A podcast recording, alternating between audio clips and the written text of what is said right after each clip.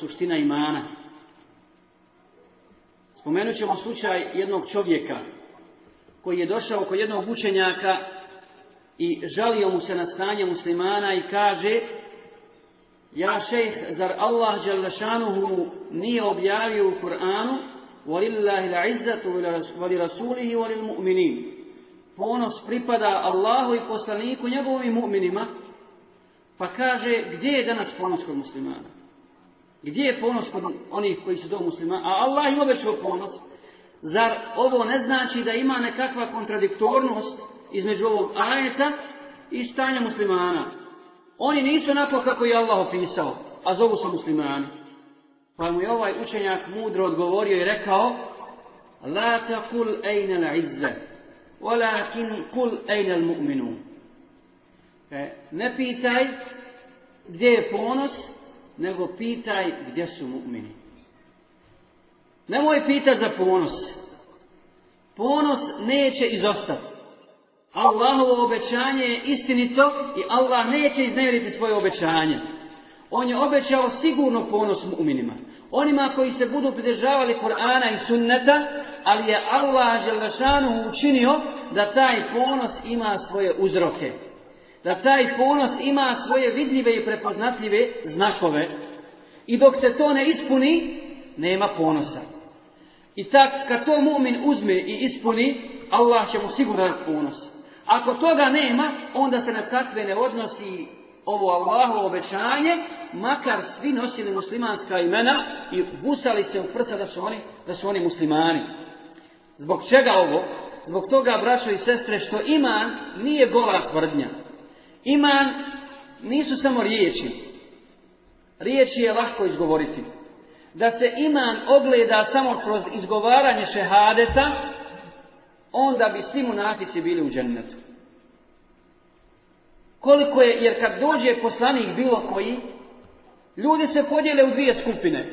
Oni koji ga priznaju i oni koji ga zanegiraju i bore se protiv njega. Nakon toga, oni što ga priznaju kao poslanika se također podijele u dvije skupine. Iskreni i licemjeri. Iskreni licemjeri koji su iz nekih svojih dunjaloških razloga prihvatili, prihvatili vjeru. Dakle, iman je, braćo i sestre, akida. Akida i dijelo. Akida koja se učvrsti u srcu i daje svoj plod u svako doba godine. U svako doba godine ako je istinska i ako je iskreno ima Allaha Đalešanuhu. Zato kaže Hasan Basri, iman nije po željama ni po nadanjima. Iman je ono što se učvrsti u srcu, a zatim se potvrdi kroz praksu zatim se potvrdi kroz, kroz naše djelo.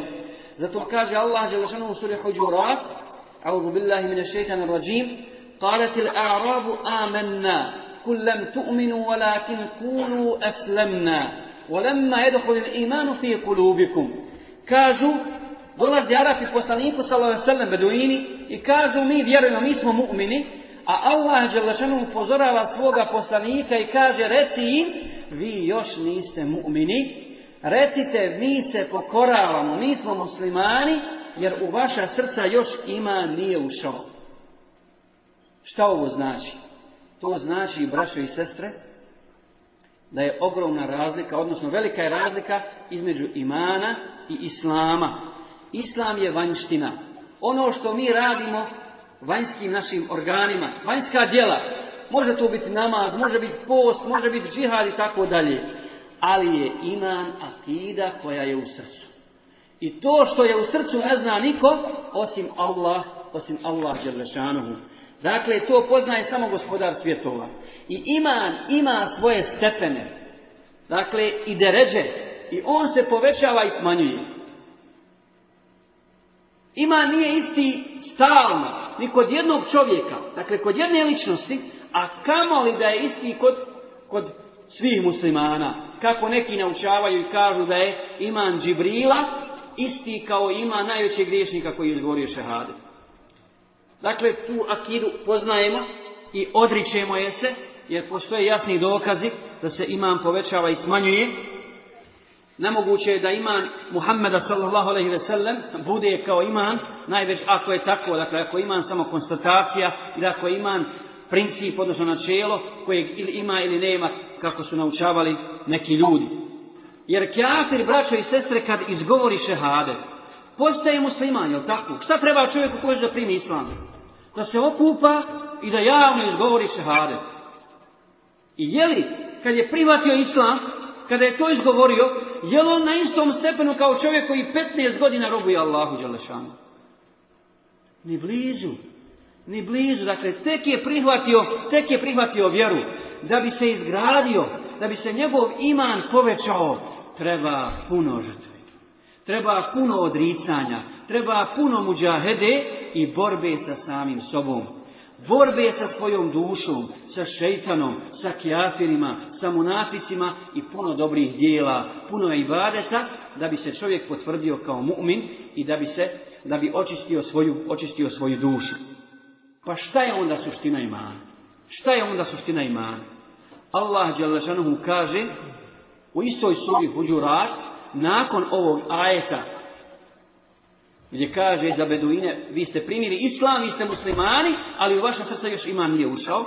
Kaže, innama al-mu'minuna alladhina amanu billahi wa rasulihi, thumma lam yartabu. وجاهدوا بأموالهم وأنفسهم في سبيل الله أولئك هم الصادقون kaže uzvišeni istinski vjernici su oni koji vjeruju u Allah dakle oni su mu'mini koji vjeruju u Allah i u poslanika i više ne sumnjaju nikada i više s te strane napada sumnja. Šta dalje?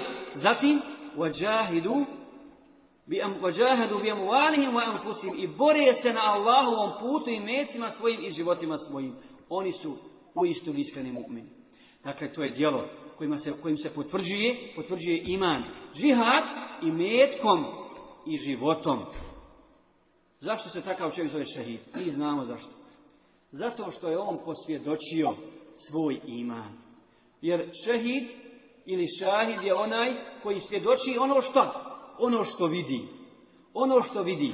Kad čovjeka pozovu da svjedoči za nekoj parnici, zašto on svjedoči? Svjedoči ono što je vidio. Kad vidio sam to i to. Zato je šehid kao takav čovjek koji je posvjedočio ono što je vidio. Kao da je vidio džennet. Džennet kao nagradu koju je Allah obećao istinskim, istinskim mu'minima. Dalje, to su nekoliko svojstava. Zatim kaže uzvišeni, innal ladina qalu rabbuna Allahu thumma istaqamu. Oni koji vjeruju, zatim ustraju na Allahovom putu. Ustraju, budu do kraja izdrže. Do kraja izdrže na tom putu. Jer razne su prepreke na tom putu. Mnogi ljudi krenu tim putem pa se pokolebaju. Završetak, kraj je bitan. Kako, smo, kako stoji u jednoj predaji od Tirmizija, je da je Tirmizi sanjao poslanika sallallahu alejhi ve sellem, pa ga pitao Resul sallallahu alejhi ve sellem: "Ja Tirmizi, čega se bojiš? Čega se bojiš?" Kaže: "Ja Rasulullah, bojim se lošeg kraja, bojim se lošeg završetka." A oslijepio poznati mu hadis, toliko hadisa prenio i tako dalje, kaže: "Bojim se lošeg završetka." Pa mu kaže Resul sallallahu alejhi ve sellem: "Ako se bojiš lošeg završetka, onda uči što više dovu: Ja hayyu ja kayyum, bi rahmetike astaghith, wa aslih li fi sha'ni kulli, wa la takilni na nafsi tarfata 'ain." Dakle, poznata doba kad čovjek u tegobi, kad se nađe u iskušenjima i tako dalje.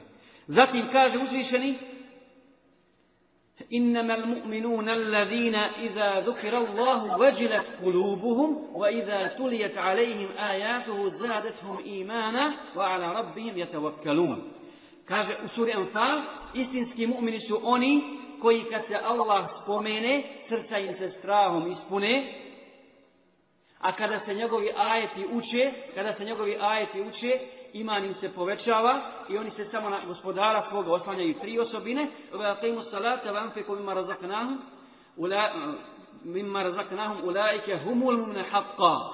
Dakle, oni koji klanjaju namaz i daju onoga što smo im mi, što smo im mi darovali kao našu blagodat, to su istinski mu'mini. Dakle, to su svojstva istinskih mu'mina. I pogledajte koliko čovjeku treba džihada i borbe sa samim sobom da to, da to postigne sa svojom dušom.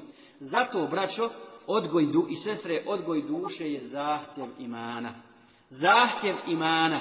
Ako čovjek ne bude odgajao svoju dušu, kao musliman i muslimanka, neće osjetiti slast imana. Neće osjetiti slast imana.